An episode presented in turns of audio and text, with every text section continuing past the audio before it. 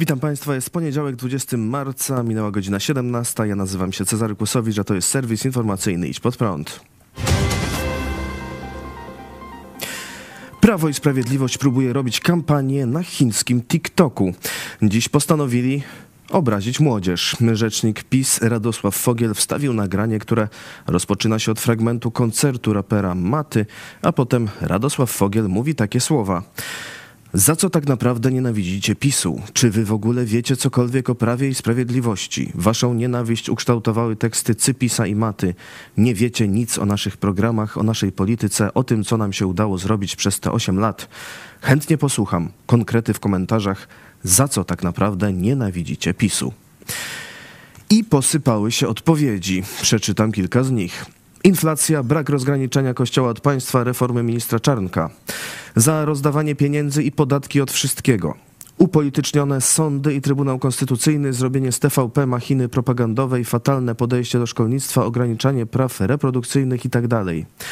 Socjal, karanie zaradnych i pracujących, nagradzanie bezrobotnych i leniwych, drożyzna największa od lat, ustawy uderzające w wolność.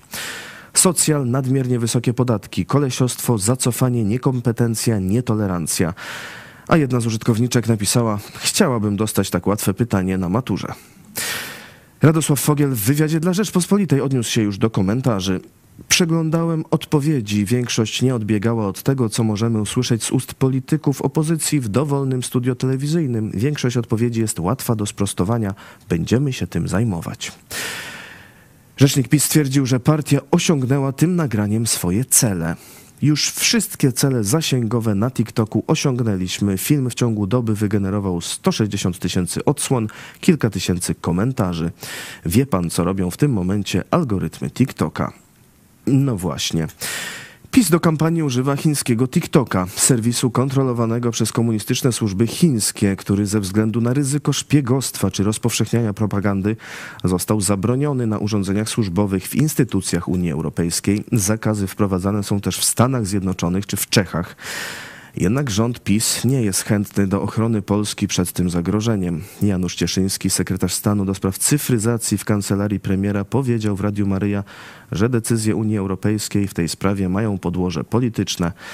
Kiedy chcemy powiedzieć, że coś jest potencjalnie niebezpieczne, powinniśmy mieć dobre dowody, stwierdził Cieszyński.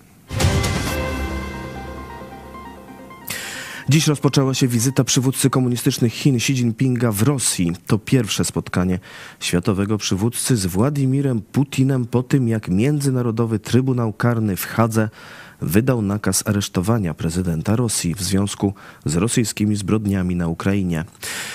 Rosja zorganizowała chińskiemu przywódcy huczne powitanie na lotnisku. Orkiestra wojskowa odegrała hymny, a Xi Jinping dokonał przeglądu gwardii honorowej rosyjskiej armii. Odbyły się już pierwsze nieformalne rozmowy Putina i Xi. Prezydent Rosji przymilał się do chińskiego przywódcy. W ostatnich latach Chiny dokonały ogromnego skoku w rozwoju. Na całym świecie budzi to prawdziwe zainteresowanie, a nawet trochę wam zazdrościmy, mówił Władimir Putin. Xi Jinping stwierdził, że oczekuje nowego otwarcia w relacjach chińsko-rosyjskich. Donald Trump wyciąga ludzi na ulicę. Były prezydent USA Donald Trump w sobotę na swoim portalu społecznościowym Truth Social wezwał ludzi do protestów w jego obronie. Stwierdził, że ma zostać aresztowany. Trump napisał: Główny kandydat republikanów i były prezydent Stanów Zjednoczonych Ameryki będzie aresztowany we wtorek w przyszłym tygodniu. Protestujcie, odzyskajcie nasz kraj. Prawniczka byłego prezydenta Susan Necheles przekazała jednak później, że Donald Trump nie wie ani kiedy, ani czy w ogóle zostanie aresztowany. Swój post miał oprzeć na doniesieniach mediów. Sprawa dotyczy konfliktu Trumpa ze Stormy Daniels, byłą aktorką filmów pornograficznych. Prawnik Donalda Trumpa miał w 2016 roku przekazać jej 130 tysięcy dolarów za milczenie na temat jej romansu z Trumpem. Zwrot tych kosztów przez Donalda Trumpa został zaksięgowany jako opłata za usługi prawne. Prokurator uważa, że było to fałszowanie dokumentacji biznesowej. Prokurator może także zarzucić Trumpowi złamanie prawa wyborczego.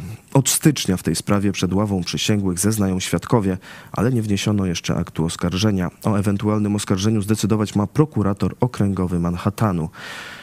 Apel Donalda Trumpa wykorzystuje rosyjska propaganda. Były premier i prezydent Rosji Dmitrij Miedwiediew, obecnie wiceprzewodniczący Rady Bezpieczeństwa Federacji Rosyjskiej, nawiązał do wpisu Trumpa, wzywając Amerykanów do bitwy, zniszczenia tyranii Waszyngtonu i obalenia prezydenta Bidena. Dziś gościem programu głównego naszej telewizji Idź pod prąd na żywo był profesor Tomasz Polak, były ksiądz teologii, były rektor seminarium, a dziś ateista, wykładowca Uniwersytetu Adama Mickiewicza w Poznaniu. Komentował wciąż gorącą sprawę reakcji na reportaż Franciszkańska 3 pokazujący uwikłanie Jana Pawła II w krycie księży pedofilów. W wywiadzie przedstawił też ogólną tezę, że jądro systemu kościelnego jest w swojej istocie ateistyczne systemowi kościelnemu nie jest potrzebny Bóg. Y, że nawet y, deklaruje, że jak najbardziej Bóg to świętość i tak dalej, ale nie jest mu potrzebny do niczego. Jest, jest pewnym punktem odniesienia własnej tożsamości, ale i, i taką nazwą, której się używa. Natomiast jądro systemu kościelnego jest ateistyczne w swojej, w swojej istocie. Y, czyli pozbawione realnej, realnego odniesienia do Boga. Ja moją książkę zakończyłem zdaniem Kościół, system kościelny jest niereformowalny. Jeśli miałbym coś powiedzieć tym wszystkim, którzy chcą go koniecznie zreformować, to właśnie to powiedział.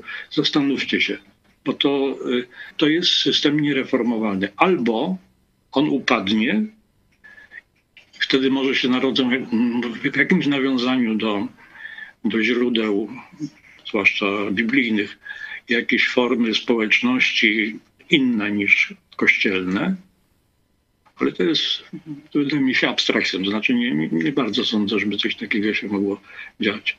Raczej trzeba przyjąć, że ten, ten system albo upadnie, albo e, pozostanie, nie zostanie w żaden sposób zreformowany. Kościół katolicki w swojej i tożsamości, i w swoim sposobie działania jakby jest e, niezmieniony. Nie okazał się wcale lepszy przez to, że że się sprotestantyzował, albo y, to, to jest kwestia pewnych dostosowań, a nie rzeczywistej reformy. Dlatego y, to słowo niereformowalne zamykające moją książkę.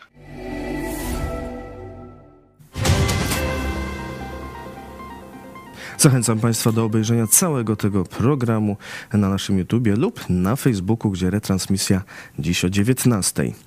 E, w tym serwisie to już wszystko. Dziękuję Państwu za uwagę. Kolejny serwis jutro o 17, hmm, a dziś jeszcze o 18 w dogrywce iść pod prąd. Oszustwo dekady na rolnikach. Zapraszam. Do zobaczenia.